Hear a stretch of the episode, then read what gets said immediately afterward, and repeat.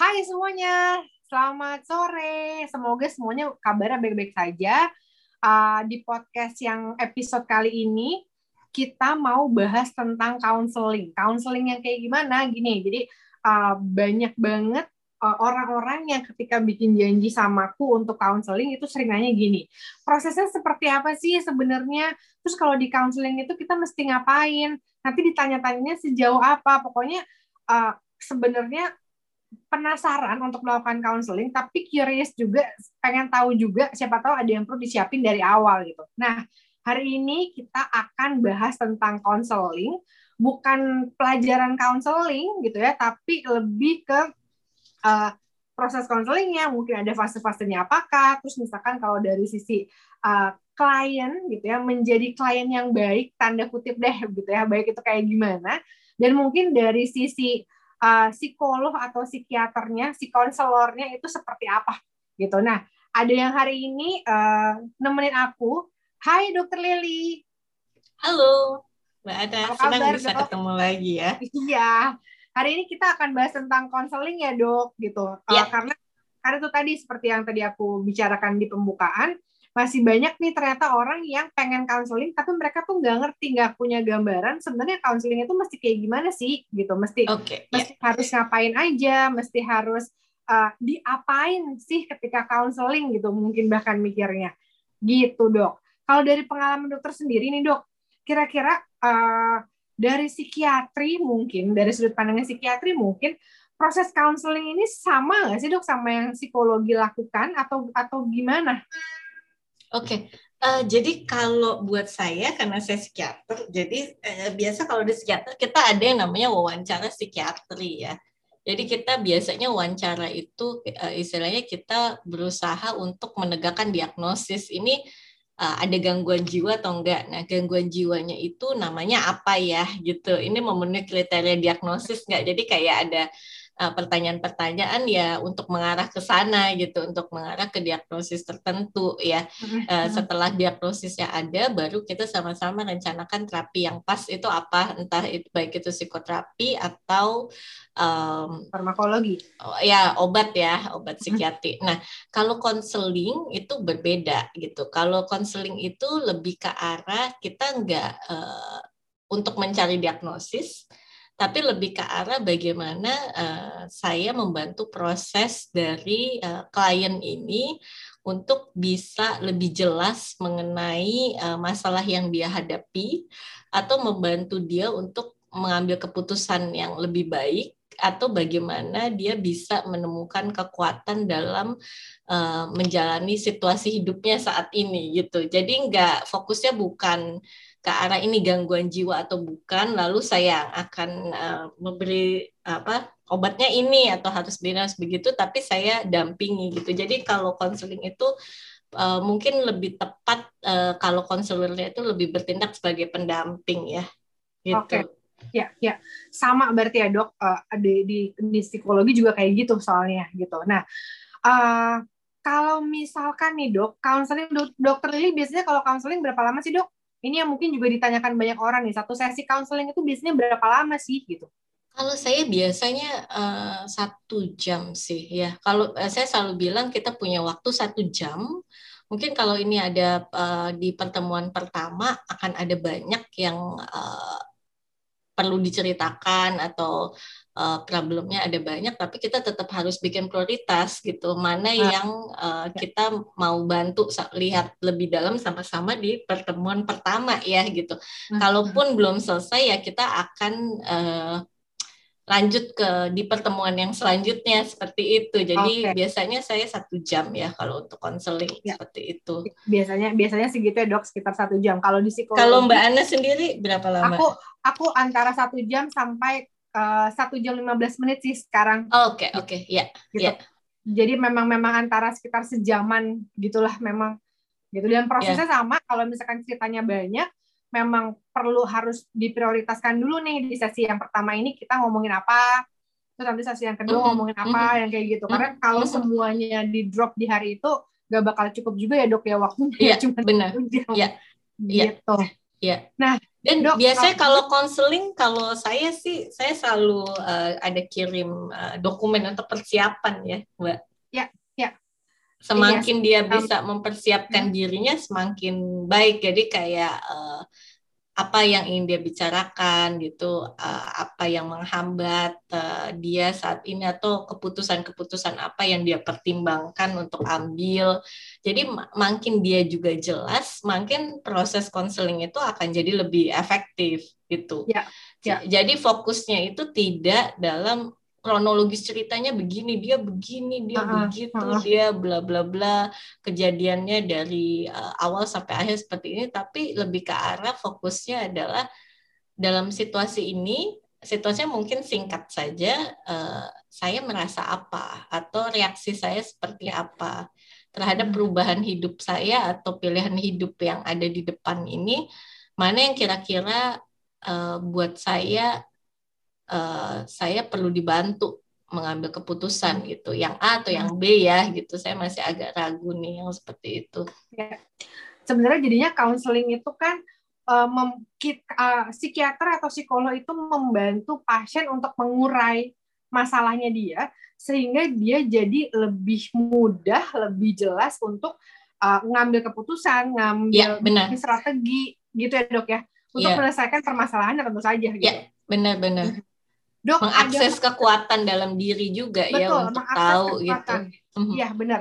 Karena karena pastinya kita punya resources gitu ya, punya kekuatan-kekuatan dalam diri kita yang memang bisa kita pakai tuh buat eh, bantuin kita beresin masalah gitu ya dok.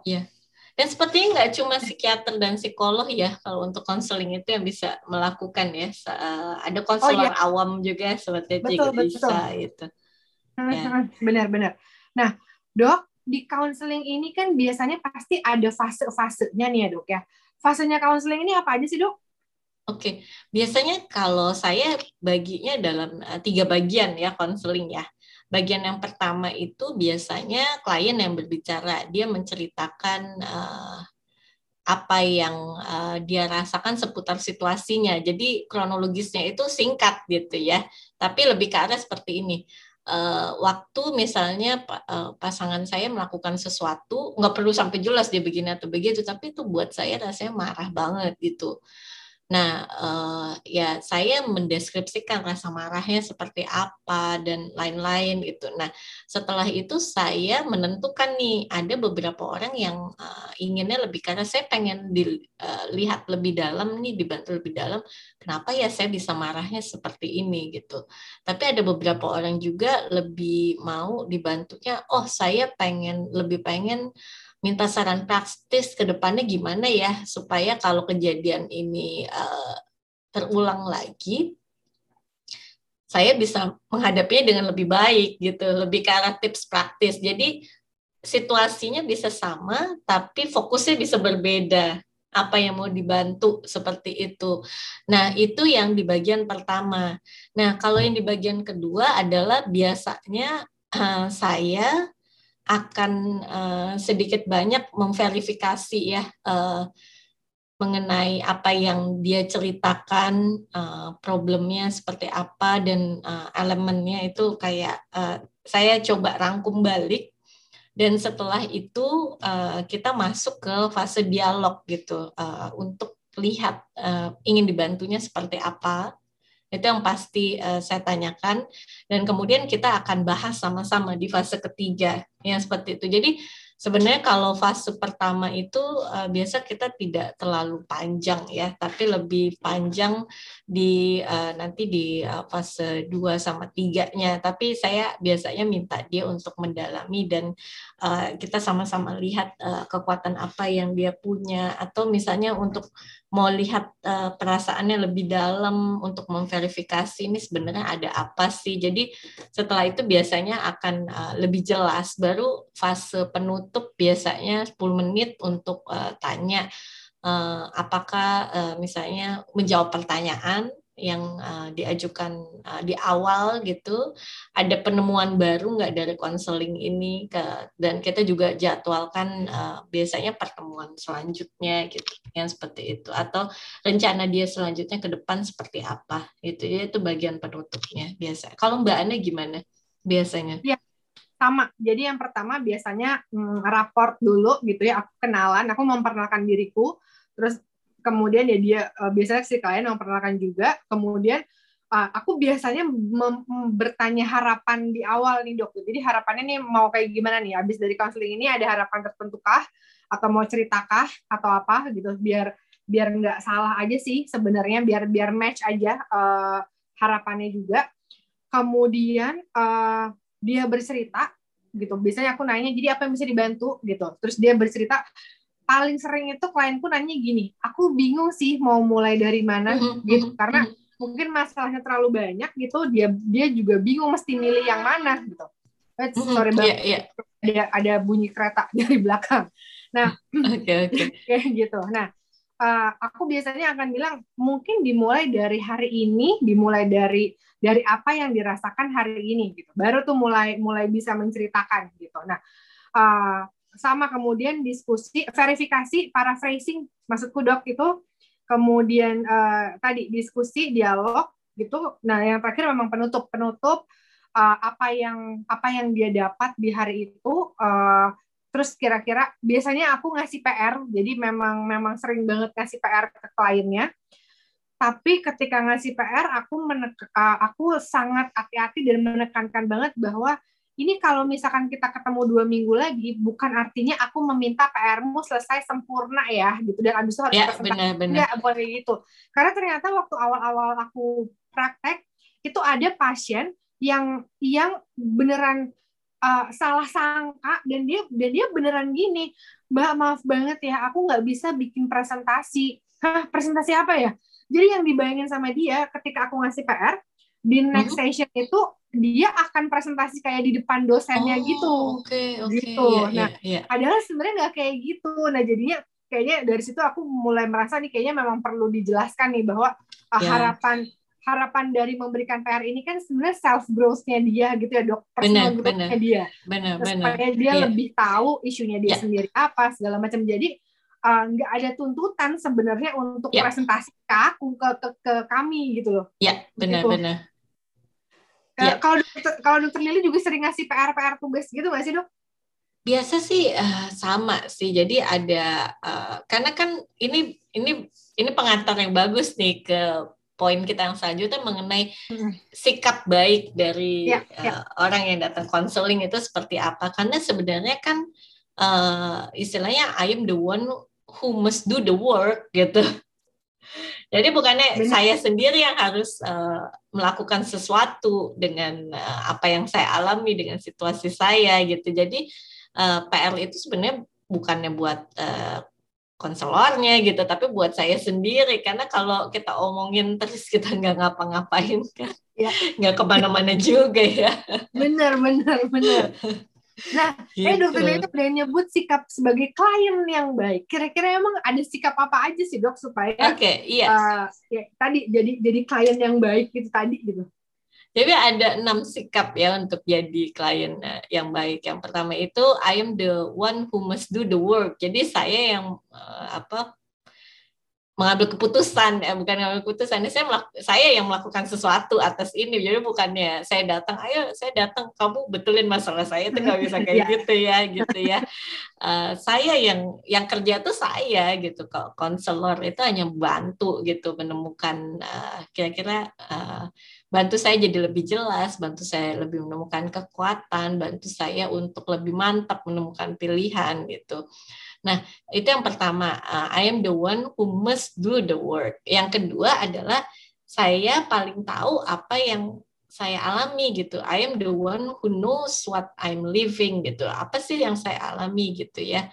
Uh, jadi yang penting adalah saya bisa jujur ya di diri saya sendiri. Ini loh yang saya alami gitu. Dan saya yang paling tahu tentang saya yang alami. Jadi konselor uh, itu hanya bantu untuk refleksi dan menyimpulkan misalnya atau bantu memperjelas lagi dengan pertanyaan-pertanyaan sehingga bisa lebih mendalami sebenarnya saya yang saya rasakan tuh apa gitu.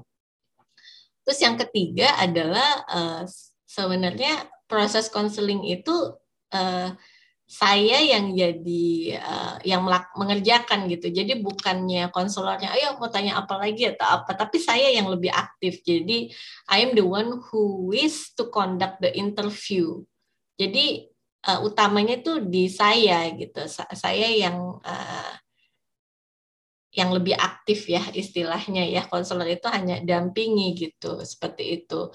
Terus yang uh, keempat adalah saya adalah orang yang memutuskan. Jadi saya harus memutuskan sendiri. Jadi bukan konselornya yang yang memutuskan buat uh, uh, buat saya gitu, tapi lebih karena saya ya. mutusin sendiri.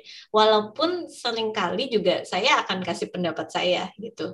Tapi tetap ada kebebasan ya, dia boleh pilih. Tapi kalau menurut saya uh, uh, kalau kamu lakuin A, ini dampaknya bisa B gitu. Atau kalau kamu lakuin C ini dampaknya bisa E gitu. Ada konsekuensi tertentu yang kalau kamu milih setiap uh, apa tindakan uh, dan itu tetap uh, saya jujur juga gitu. Saya bilang tapi saya nggak nggak bilang kalau kamu harus pakai cara saya. Enggak tapi saya tetap kasih pandangan saya juga gitu.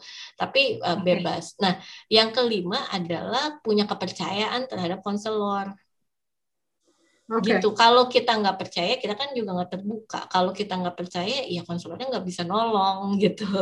Aha. Seperti itu. Jadi percaya itu penting. Makanya saya selalu bilang kalau proses konseling itu uh, selalu ada kerahasiaan. Jadi saya nggak pernah akan bilang ke siapa pun nama orang yang datang ke konseling saya atau isinya gitu. Kalau misalnya nanti ada keluarga pasangan yang uh, minta uh, tanya gitu, saya selalu bilang tanya langsung ke orangnya. Dia datang konseling ke saya atau ya, enggak, ya, ya. atau yang kedua um, isinya apa tanya dia aja langsung ya, gitu. Karena ya, itu kan ya. kepercayaan penting banget. Hmm. Kecuali untuk kasus-kasus tertentu kalau saya rasa ya. ini membahayakan diri sendiri atau orang lain Benar. ya. Kasus misalnya ide bunuh dirinya uh, udah kenceng banget gitu dan ini rasanya buat saya nggak aman kalau dia sendirian itu saya selalu bilang saya tetap harus kasih tahu pasangan atau keluarga gitu yang seperti itu. Nah, terus yang keenam adalah keterbukaan terhadap konselor gitu. Kita juga mesti terbuka, jangan ada ditutup-tutupi gitu ya.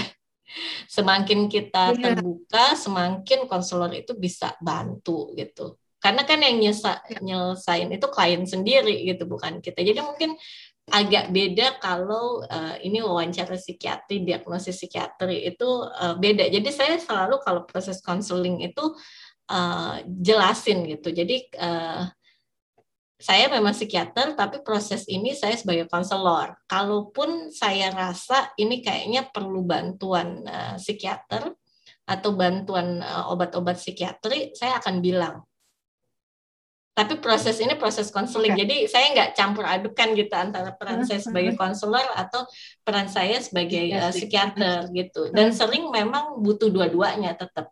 Benar, benar. Ya. Benar. Oke, berarti tadi tuh ada enam hal ya teman-teman yang aku ulang sedikit gitu ya. I'm the one who must uh, do the home the, the work gitu ya. Jadi kita yang memang uh, istilahnya kayak bekerja mencari masalahnya ya, benar. karena masalahnya masalah kita gitu ya, ya. Uh, karena gini dok aku pernah menemukan beberapa klien itu yang ngomongnya gini loh terus buat apa aku ke psikolog udah bayar hmm. terus tapi psikolognya nggak bisa nyelesain masalah aku gitu jadi uh, ternyata ada yang berpikir ketika datang ke konselor gitu ya datang konseling itu artinya si konselor baik psikolog maupun psikiater atau konselor uh, konselor uh, awam gitu itu adalah orang yang memang harus menyelesaikan masalahnya dia gitu. Padahal nggak yeah. kayak gitu nih teman-teman gitu ya. Uh, itu. Terus uh, masuk yang kedua uh, sikapnya adalah saya paling tahu apa yang saya alami. Benar banget gitu loh. Jadi uh, ada hal-hal yang mungkin nggak kita ceritain gitu ya karena mungkin miss aja lupa mungkin atau apa. Tapi sebenarnya kita tahu itu terjadi dalam diri kita gitu. Dan kadang uh, nggak tahu ya dok ada suara hati juga yang ngomong gitu kan. Kayaknya nggak gitu deh. Kayaknya mestinya aku harus begini deh yang kayak gitu. Nah ini kan prosesnya proses dalam dirinya si klien gitu. Jadi uh, itu akan membantu dia sih sebenarnya uh, di sikap yang pertama gitu ya mas do the work itu tadi gitu. Terus yang ketiga adalah uh, wish to conduct the interview jadi kita lebih aktif mungkin di sini juga maksudnya lebih aktif buat nanya, lebih aktif buat ngerjain tugas, lebih aktif buat uh, apa ya berproses kali ya dok ya jadinya. Iya gitu. benar-benar. Hmm. Ya benar sekali. Terus habis itu uh, yang keempat itu adalah memutuskan actionnya apa mm-hmm. gitu. Misalkan mm-hmm. kalau uh, aku mm-hmm. punya klien yang uh, harus aku refer ke uh, psikiater karena harus minum obat gitu. Nah lagi-lagi itu pilihan tuh gitu uh, tentunya uh, aku menjelaskan kenapa harus minum obat, tapi pilihan tetap ada di mereka gitu. Jadi uh, kita juga harus ke, kita menjelaskan konsekuensinya, mereka yang decide uh, actionnya, gitu ya dok. Dengan semua yeah. action, semua action tentunya pasti ada ada konsekuensi yang harus diambil yeah, gitu apa pun yeah, itu yeah. gitu. Benar. Yeah. Terus kemudian percaya sama konselor ini penting banget gitu karena suka ada ada pasien aku sering punya pasien yang kayak gini dok mbak aku tuh sebenarnya udah nggak percaya loh konseling ke psikolog tapi dia datangnya ke psikolog terus aku ngapain jadi kayak ya oke okay, gitu yeah, uh, yeah. Uh, nggak udah nggak percaya lagi tapi dia datang nah kalau yeah. dari sisinya kami gitu kan sebagai kami kita sebagai konselor ya dok itu sebenarnya dia masih punya rasa percaya atau at least mau nyoba gitu ya dok mm -hmm. tapi mm -hmm. mungkin dia punya pengalaman yang tidak menyenangkan bener, sehingga bener. Uh, kalimat pertamanya adalah aku tuh sebenarnya udah nggak percaya loh konseling uh, gitu yeah. gitu. Nah, uh, terus yang terakhir adalah ya kita harus bisa untuk terbuka gitu terhadap masalah kita, terhadap diri kita sendiri supaya si konselornya ini bisa ngebantu gitu. Karena yeah, benar. seringnya gitu, seringnya kalau aku profesiku sebagai psikolog seringnya gini. Apa yang bisa dibantu? Nggak tahu. Kalau menurut Mbak, aku mesti gimana? aku bingung tuh kalau udah kayak gitu karena uh, seringnya di kami suka dibilangnya gini oh kalau psikolog tuh berarti bisa baca orang ya gitu jadi okay. ketika yeah, yeah. ketika yeah. ketika klien datang ke yeah. psikolog ke konselor mereka seringnya berpikir bahwa ini kan gue udah datang nih emang masa lo nggak ngerti sih masalah gue apa? Kan lo katanya bisa baca pikiran gitu. Iya yeah, iya. Yeah yang kayak gitu. Atau atau ada hal-hal yang uh, aku pernah punya klien yang memang dia menceritakannya ternyata parsial dok. Jadi separuh okay, okay. separuh yeah. lagi itu belum diceritain walaupun sebenarnya dia udah ngasih hint-hintnya gitu loh gitu. Nah okay, jadi okay. pancingan-pancingannya udah dikasih tapi belum mau open gitu. Nah ketika uh, aku aku aku bilang sih bahwa ya udah nggak apa-apa kalau belum mau cerita. Tapi uh, itu artinya uh, kita berdua sama-sama tahu bahwa masalah ini belum dibuka secara keseluruhan ya, yang mungkin itu akan akan menghambat prosesnya mungkin gitu. Karena uh, kalau ini ceritanya lebih jelas mungkin ada ada intervensi yang intervensi spesifik yang bisa di, dilakukan gitu. Kalau dokter sendiri pernah nggak sih dok ngalamin kejadian-kejadian misalkan kayak kliennya nggak mau terbuka atau kliennya nggak percaya gitu? Oke, kalau saya sih banyaknya uh, ada juga kejadian yang dia datang konseling, uh, dia ingin pertanyaannya itu adalah bagaimana supaya pasangan saya berubah.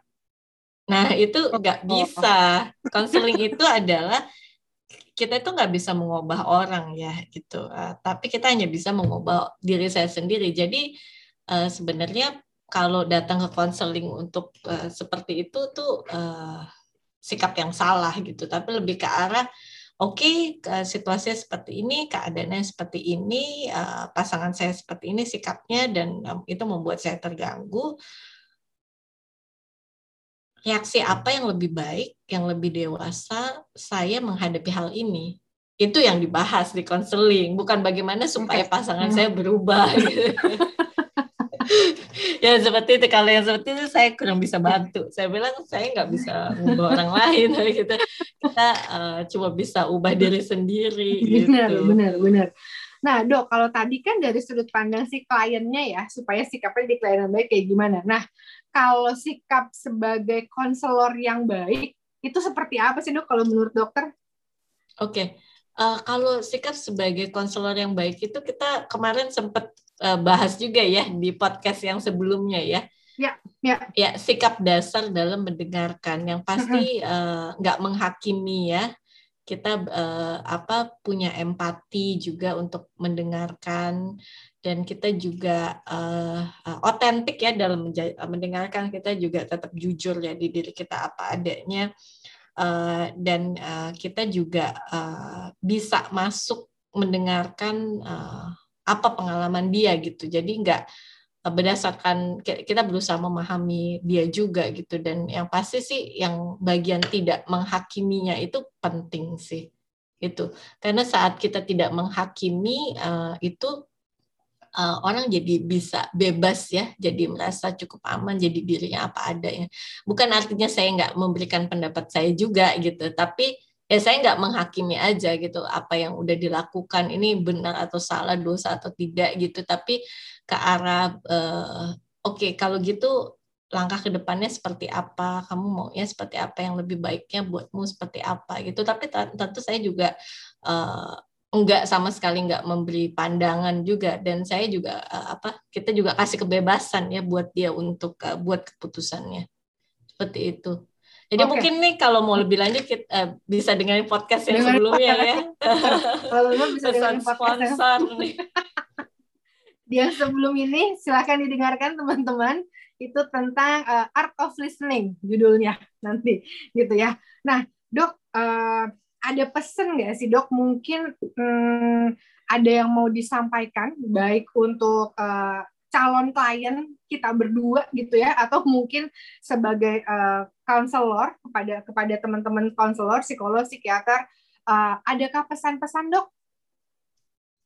Oke, jadi minta tolong itu bukan uh, tanda kelemahan, tapi uh, perlu kerendahan hati dan keberanian yang luar biasa buat kita minta tolong.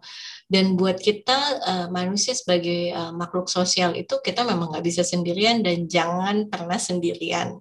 Dan kalau memang uh, perlu dibantu, nggak uh, apa-apa loh untuk uh, cari pertolongan, karena semakin uh, kita bisa, uh, misalnya dalam proses konseling ini saat saya bisa lebih paham mengenai apa yang saya rasakan, mengenai situasi saya, apa kekuatan uh, yang saya miliki, uh, saya bisa lebih baik mengarahkan hidup saya. Dan saat saya bisa mengarahkan lebih baik hidup saya, saya bisa uh, membantu orang-orang yang saya sayangi dengan lebih baik. Saya juga bisa berkontribusi lebih baik melalui pekerjaan saya di komunitas saya, di keluarga saya, dan mungkin ya untuk dunia juga ya seperti itu.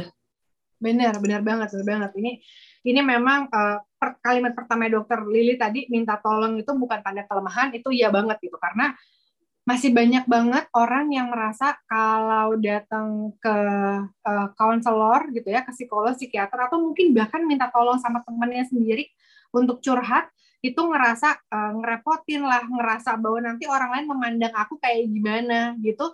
Itu masih banyak banget tuh yang sering berpikir kayak gitu gitu. Dan dan lagi-lagi uh, kalau kita perlu tahu limitnya kita kapan memang untuk meminta bantuan dan perlu dibantu karena sebenarnya ketika kita berani minta tolong itu tanda kekuatan ya dok justru ya bukan bukan tanda kelemahan gitu karena jadi ya, kita bener. bisa ya. bisa bisa tahu batasannya dan bisa tahu bahwa oke okay, saya juga manusia biasa yang memang uh, perlu masukan, perlu uh, didampingi sama orang lain, gitu yeah. ya dok.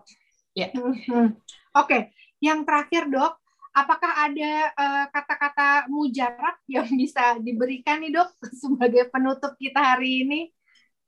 Oke, okay. jadi memang kalau uh, ada kesulitan dan uh, rasanya uh, sulit bisa sendiri, Eh, nggak uh, apa-apa loh kalau butuh bantuan konseling ya dan uh, di konseling itu kan kita ada ini uh, sifatnya profesional jadi uh, ada kerahasiaan ya jadi kita tetap jaga uh, apa yang dibicarakan itu tidak akan keluar gitu dan keamanan ini yang sepertinya sebenarnya kita curhat ke teman juga bisa tapi yang pasti kan kalau curhat ke teman ini settingnya bukan profesional ya. Kalau profesional benar, jadi benar. kita kita sih bisa aja bilang kamu jangan cerita ke siapa-siapa ya. Tapi kan nggak ada jaminan juga kalau itu nggak diceritain ke siapa-siapa. Jadi uh -huh. yang seperti ini sifatnya uh, profesional dan uh, memang kerahasiaan terjamin dan sehingga kita juga jadi bisa lebih aman untuk uh, ada ruang jadi diri kita apa adanya ada ruang kita kasih waktu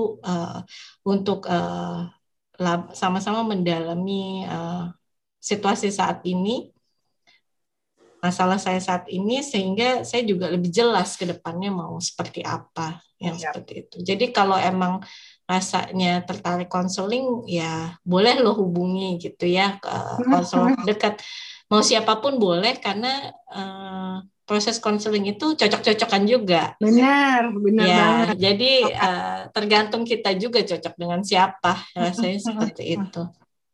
Oke.